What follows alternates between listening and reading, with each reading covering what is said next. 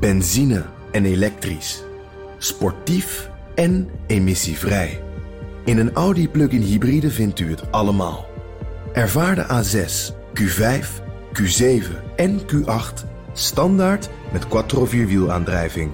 Wat u ook zoekt, u vindt het in een Audi. Audi. Voorsprong door techniek. Je hebt aardig wat vermogen opgebouwd. En daar zit je dan, met je ton op de bank. Wel een beetje saai, hè? Wil jij, als belegger, onderdeel zijn van het verleden of van de toekomst? Bridgefund is een slimme fintech die een brug slaat tussen de financiële behoeften van ondernemers en van beleggers. Dus wie belegt bij Bridgefund krijgt niet alleen een mooie vaste rente, maar brengt ook ondernemers in beweging. Echt waar. Met die ton kan je zoveel betere dingen doen. Bridgefund. Make money smile.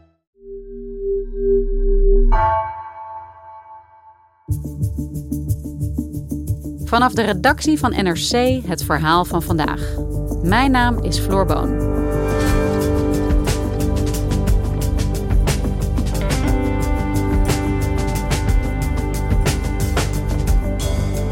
Een staatsgreep in Soedan maakte maandag een einde aan een korte periode van ontluikende democratie in het land.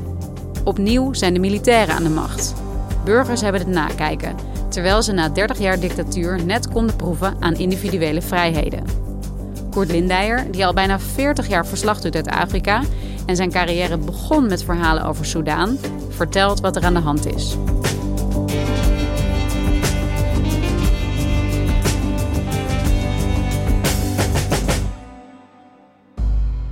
Arm Soudaan.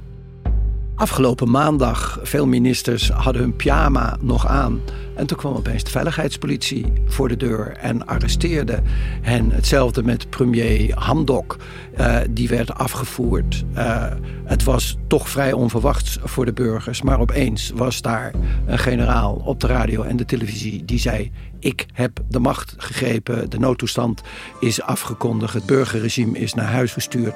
مشاهدي تلفزيون السودان حيثما كنتم اولا اعلان حاله الطوارئ في جميع انحاء البلاد ثانيا التمسك الكامل والالتزام التام بما ورد في الوثيقه الدستوريه We zijn weer terug bij af, dat zei hij niet, maar dat betekent het wel in de Soedanese context dat de militairen weer de macht hebben gegrepen. Op zondag heeft de Amerikaanse gezant voor de Horen van Afrika nog gesproken met premier Hamdok. En Burhan en gezegd, mag niet hoor, staatsgreep uh, plegen. De Amerikanen wisten natuurlijk ook wel dat er zoiets zou gaan gebeuren. Zes uur later heeft Burhan de macht gegrepen... terwijl hij nog met de hand op het hart heeft verklaard... dat niet uh, te doen. In die zin was het onverwachts...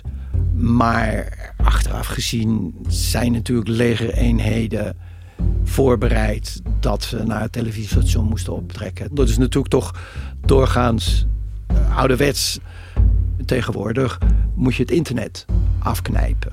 Hebben ze ook onmiddellijk uh, gedaan, zodat mensen zich niet meer kunnen organiseren. Dus die eerste dag, op maandag, wisten de bewoners, de, de bevolking ook niet precies wat er aan de hand was. Maar langzaam maar zeker zie je het straatbeeld zie je groen worden in de zin van dat de militairen het overnemen.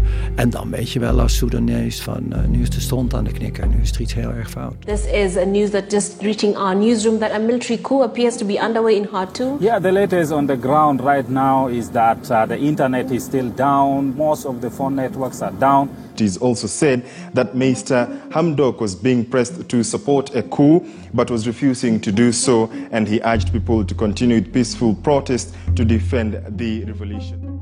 Premier Hamdok werd uit zijn huis gehaald. We weten nu dat hij naar uh, het huis van de huidige machthebber Burhan uh, werd gebracht. Zijn kantoor bleef nog steeds uh, messages uitsturen van ga demonstreren, ga demonstreren. Evenals het ministerie van Informatie. Dus men pleegde verzet. En al vrij duidelijk werd dat de woede uh, van de Soedanezen uh, zichtbaar werd op de straat van demonstranten die probeerden op te trekken naar het militaire complex. Maar toen was het tragische al gebeurd. De staatsgreep was geslaagd in Soedan.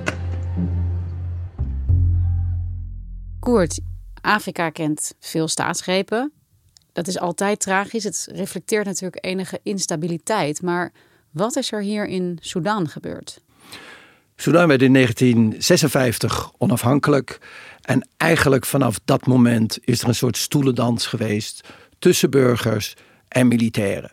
Uh, soms een kort uh, burgerregime en dan nemen de militairen uh, het weer over. Het bijzondere van Soudaan is, vergeleken bij andere Afrikaanse landen, dat de bevolking beter georganiseerd is dan in veel andere Afrikaanse landen. Dus elke militaire staatsgreep kon rekenen op verzet van de bevolking. Dat hebben we nu drie, vier keer gezien. Maar zoals we het zagen in 2019, dat waren volksmassa's van honderdduizenden, op een gegeven moment zelfs een miljoen mensen in de hoofdstad uh, Khartoum.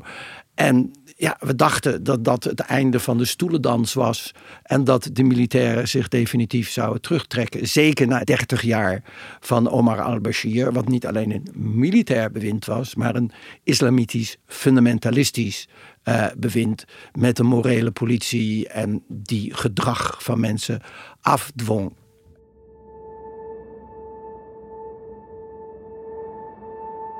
Ja, een fundamentalistische islamitische samenleving, een dictatuur onder Bashir. Hoe was het leven daar in die tijd? Voor vrouwen verschrikkelijk. Je mocht als vrouw het land niet uitreizen als je man geen toestemming daarvoor gaf. Je mocht als vrouw niet met je man in de bus zitten. Uh, vrouwen werden weer teruggebracht naar hun traditionele rol in uh, de keuken. Jeugd. Uh, er was geen toegang tot buitenlandse cultuur. Rapmuziek viel niet te horen. Alleen traditionele Soedanese muziek.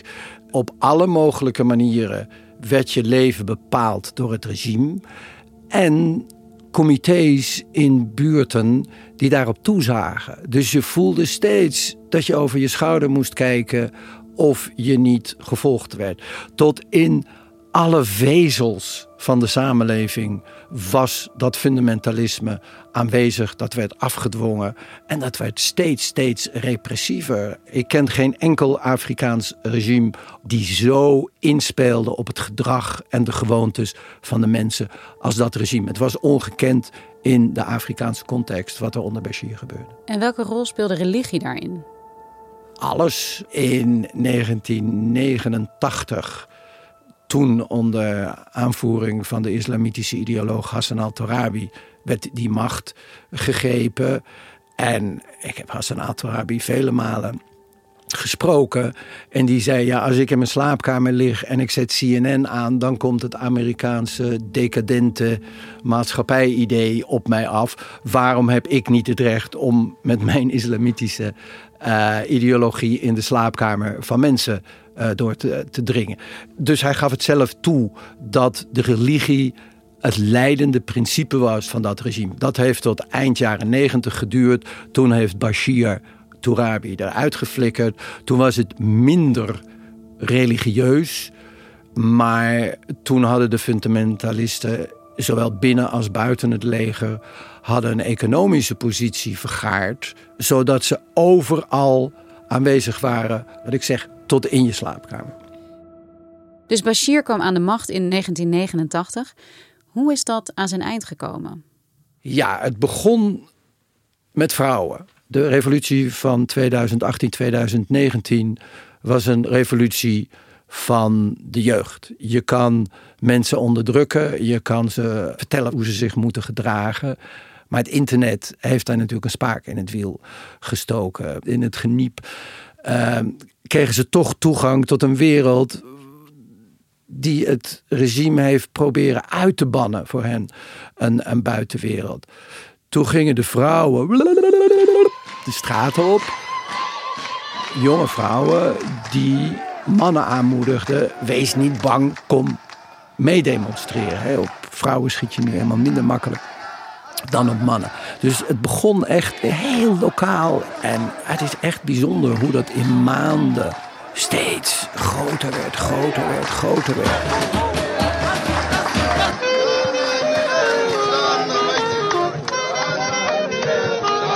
Het was een massale volksopstand waar iedereen aan meedeed, waar eigenlijk alleen de kogel een einde aan uh, kon maken. Wat gebeurd is, staatsgrepen is één ding, maar een volksrevolutie waar iedereen aan meedoet, dat heb ik alleen in Soedan uh, gezien. Heel prikkelend. En nu zitten we hier, 2021. 2019 is Bashir dus omvergeworpen. Grote massademonstraties in dat land. En lonkte daar iets van een democratie. Hoe zag dat eruit? Veel Soedanezen in het buitenland zijn teruggekeerd. Het feit dat vrouwen van zich laten horen was vernieuwend. Het feit dat er radiostations werden opgericht. Dat mensen mochten zeggen wat ze wilden. De pers die eindelijk uh, zijn stem kon, kon laten horen. Dat waren dingen omdat ze 30 jaar, en dat is toch bijna twee generaties, niet hebben kunnen doen. Dat was een vrijheid die je terugvond op de straten. Noem maar op. Ik bedoel, als jij geen sigaretje mag opsteken als vrouw. Ik het is ridicuul dat, dat dat wordt afgedwongen. Maar als het dan opeens wel kan, dan werkt het dus bevrijdend. Wat zeg ik, ik heb heel veel vrouwen die zijn aan het roken geslagen omdat ze het eindelijk konden doen. En politiek, hoe zag de samenleving er politiek uit nadat al-Bashir was verdreven? Er is afgesproken dat er een uh, overgangsbewind van drie jaar zou komen. Dat is een zogenaamde Sovereign Council, waar militairen en burgers in zitten. En de voorzitter van die raad is de president. Dus Burhan had moeten aftreden volgende maand. En zijn plaats, zijn stoel, zou vervolgens worden bezet door een burger. Dat is een van de redenen waarom Burhan uh, nu de macht heeft uh, gegrepen. Het is altijd een moeilijk huwelijk geweest. Het was een interimregime en in 2023 moesten de verkiezingen komen. Daar waren we naar op weg en die weg is nu afgesneden door de militaire coup. Dear court, uh, how are you? I hope that you are fine. Uh, the network has just arrived, and, but we don't know it will be permanent or just it's uh, temporary. Bij de volksopstand in 2019 ontmoette ik Abdul. Dat was een van de demonstranten. Ik heb met hem verder contact gehouden uh, de afgelopen twee jaar. Hij is lid van een verzetscomité. De verzetscomité's die nu ook uh, oproepen tot uh, de betogingen. We are fine. We are still on the streets. So the situation is kind of very intensified. But everything is alright. En Koert, jij bent nu in Nederland, eventjes. Uh, je gaat op termijn ook weer terug. Hoe is dat om niet daar te zijn waar je eigenlijk wilt zijn als correspondent? Voor mij, wat er nu gebeurd is de afgelopen paar dagen, maakt me uiterst droevig. Ik wil niet zeggen, het is persoonlijk, want ik blijf gewoon een cynische journalist. Daar gaat het niet om. Maar ik ken de poppetjes in, in dit verhaal. En dan is het dus uiterst frustrerend dat ik nu bij jou aan de tafel moet zitten. Hi, Abdul. Good to hear from you. Thanks for your. Hi, Abdul. One more time. I'm not good in uh, sending uh, this type of messages. Thanks a lot for your um, uh, for your report. Please keep me posted. Um... Deze koep doet me pijn. Terwijl ik natuurlijk tientallen staatsschepen heb meegemaakt en cynisch ben geworden of het volgende regime werkelijk beter is dan het vorige. Maar dit is, dit is meer. And as I told you, you can't be Che Guevara on the streets of Khartoum. So please, please uh, do take care. We, we still need you. De journalistieke afstand is er nog wel, maar ik ken de mensen die hun nek hebben uitgestoken en nu ook misschien. Uh, er is in het verleden zijn honderden mensen doodgeschoten, demonstranten. Dus het kan, dat kan weer gebeuren. I keep on following events. And as soon as I have a chance to come to your side, I will. Uh, but please stay safe. Uh, you're in my head and in my heart. So uh, be safe. Take good care and greetings from Amsterdam. Take care. Bye bye.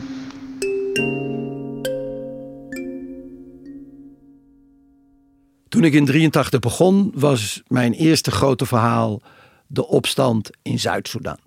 En uh, het SPLA, het Soedanese Volksbevrijdingsleger, daar heb ik vele guerrilla-reizen uh, meegemaakt, onder de sterrenhemel geslapen, uh, wekenlang van de zogenaamde bewoonde wereld afgesloten geweest. Dus mijn carrière begon eigenlijk met Soudaan. Bovendien, Soudaan ligt op die scheiding tussen Arabisch, Islam, Afrika en zwart, christelijk Afrika. Uit principiële gronden heb ik het een van de belangrijkste landen gevonden, omdat dat gigantisch diverse land moest zijn identiteit vinden. Ben je Afrikaans, ben je uh, Arabisch, wat ook tijdens de periode van uh, Omar al-Bashir een rol speelde. Die wilde duidelijk Soedan Arabiseren. En dus het zoeken naar je nationale identiteit en die eenheid die er niet is, die een van de redenen vormt van de crisis, vind, vond ik een uitdaging voor Afrika. Bij natievorming moet je ook je diversiteit behouden in die nieuwe natie. En daar is Soudaan nooit in geslaagd. Was dit dan ook in zekere zin voorspelbaar? Had jij verwacht dat er een staatsgreep zou komen?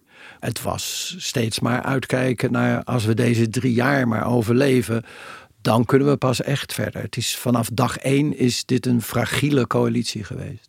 Een paar weken geleden is er een heel amateuristische koep geweest. Aanhangers van Bashir, die kregen daar schuld ervan, of dat juist is of niet. Laten we in het midden. Maar dat is achteraf gezien, dat is gewoon kijken hoe de bevolking zou uh, reageren. Op een kleine minderheid na van fundamentalisten, wat misschien 10% van de bevolking is, durf ik bijna mijn hand in het vuur te steken om te zeggen dat de Soedanese bevolking deze staatsgreep falikant afkeurt. En wat wil het leger? Willen zij weer terug naar die fundamentalistische samenleving zoals die was onder dictator al-Bashir? Terug naar de tijd van de morele politie, ik denk niet dat dat nog mogelijk is. Maar dat fundamentalistische regime heeft een economisch-militair complex opgezet. Het regime probeerde greep te krijgen op uh, die economie en dat heeft tot uh, verzet geleid binnen het leger. Dat is de reden geweest, denk ik, voor de staatsgreep. Dat de militairen hun economische belangen uh, probeerden te beschermen.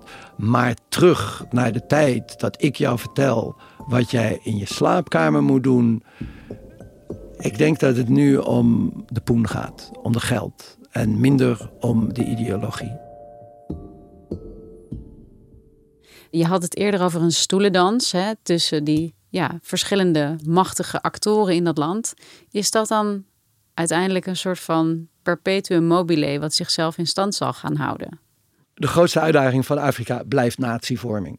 Dat geldt net zo goed voor Soudaan als uh, welk land dan ook. In Soudaan is dat steeds onmogelijk geworden, omdat het enige sterke institutie in het land was dat leger. Dus om daarvan af te komen dat er een onafhankelijke rechtspraak is, uh, bijvoorbeeld, dat neemt tijd in beslag. En zolang het leger de sterkste machtsfactor is, zullen dus altijd de generaals degene zijn die het laatste woord hebben. En ik vraag me altijd af, hè, de afgelopen twee jaar zijn er dus veel meer vrijheden gekomen. Mensen hebben kunnen ruiken aan uh, nou ja, iets van gelijkheid, democratie. Gaan zij zich opnieuw laten ja, bepalen hoe hun land en hun leven eruit moet zien door zo'n militair regime? Nee, ze zullen dit niet toestaan. Nu heb ik weer contact met Abdul. En nu vertelt hij mij dat hij elke dag weer opnieuw de straat opgaat. En dat op zaterdag de grote demonstratie komt. Thank you, my friend, for sending the, your voice uh, recording.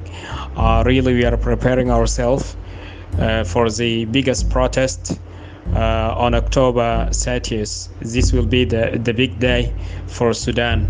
Uh, all of the people from everywhere they will come out against the military coup by Abdul Fattah el-Burhan. We will reject the military coup uh, on October 30th, and we are doing our best that uh, this uh, military coup will ever ever succeed here. Thank you. Tot nu toe is het aantal slachtoffers beperkt gebleven. Veel gewonden, maar niet erg veel doden. In ieder geval nog niet in de honderden. Maar de generaals uh, die hebben berekend dat als het nodig is, dat ze moeten gaan schieten. Wat ga jij doen? Ga jij proberen zo snel mogelijk naar Khartoum te gaan? Nou, mijn persoonlijke dramatiek is dat ik onder Bashir de laatste 10, 15 jaar persona non grata was. Dus ik kwam er niet meer in. Dus mijn adressenlijst, mijn contacten zijn min of meer in de lucht opgegaan in al die jaren, omdat je mensen niet meer ziet. Ik ben dus begonnen met nieuwe contacten op te bouwen na de volksrevolutie. En dat zijn die mensen die in hun pyjama maandagochtend zijn afgevoerd. Maar uiteraard, mijn bloed stroomt gigantisch snel op dit moment om zo snel mogelijk naar Khartoum te gaan. Maar kom ik het land nog in? Groot vraagteken. Dat weet ik niet. Ik hoop, uh, Koert, dat we jou heel snel weer terug uh, zien daar waar het gebeurt. En uh, dank je wel. Dank je wel.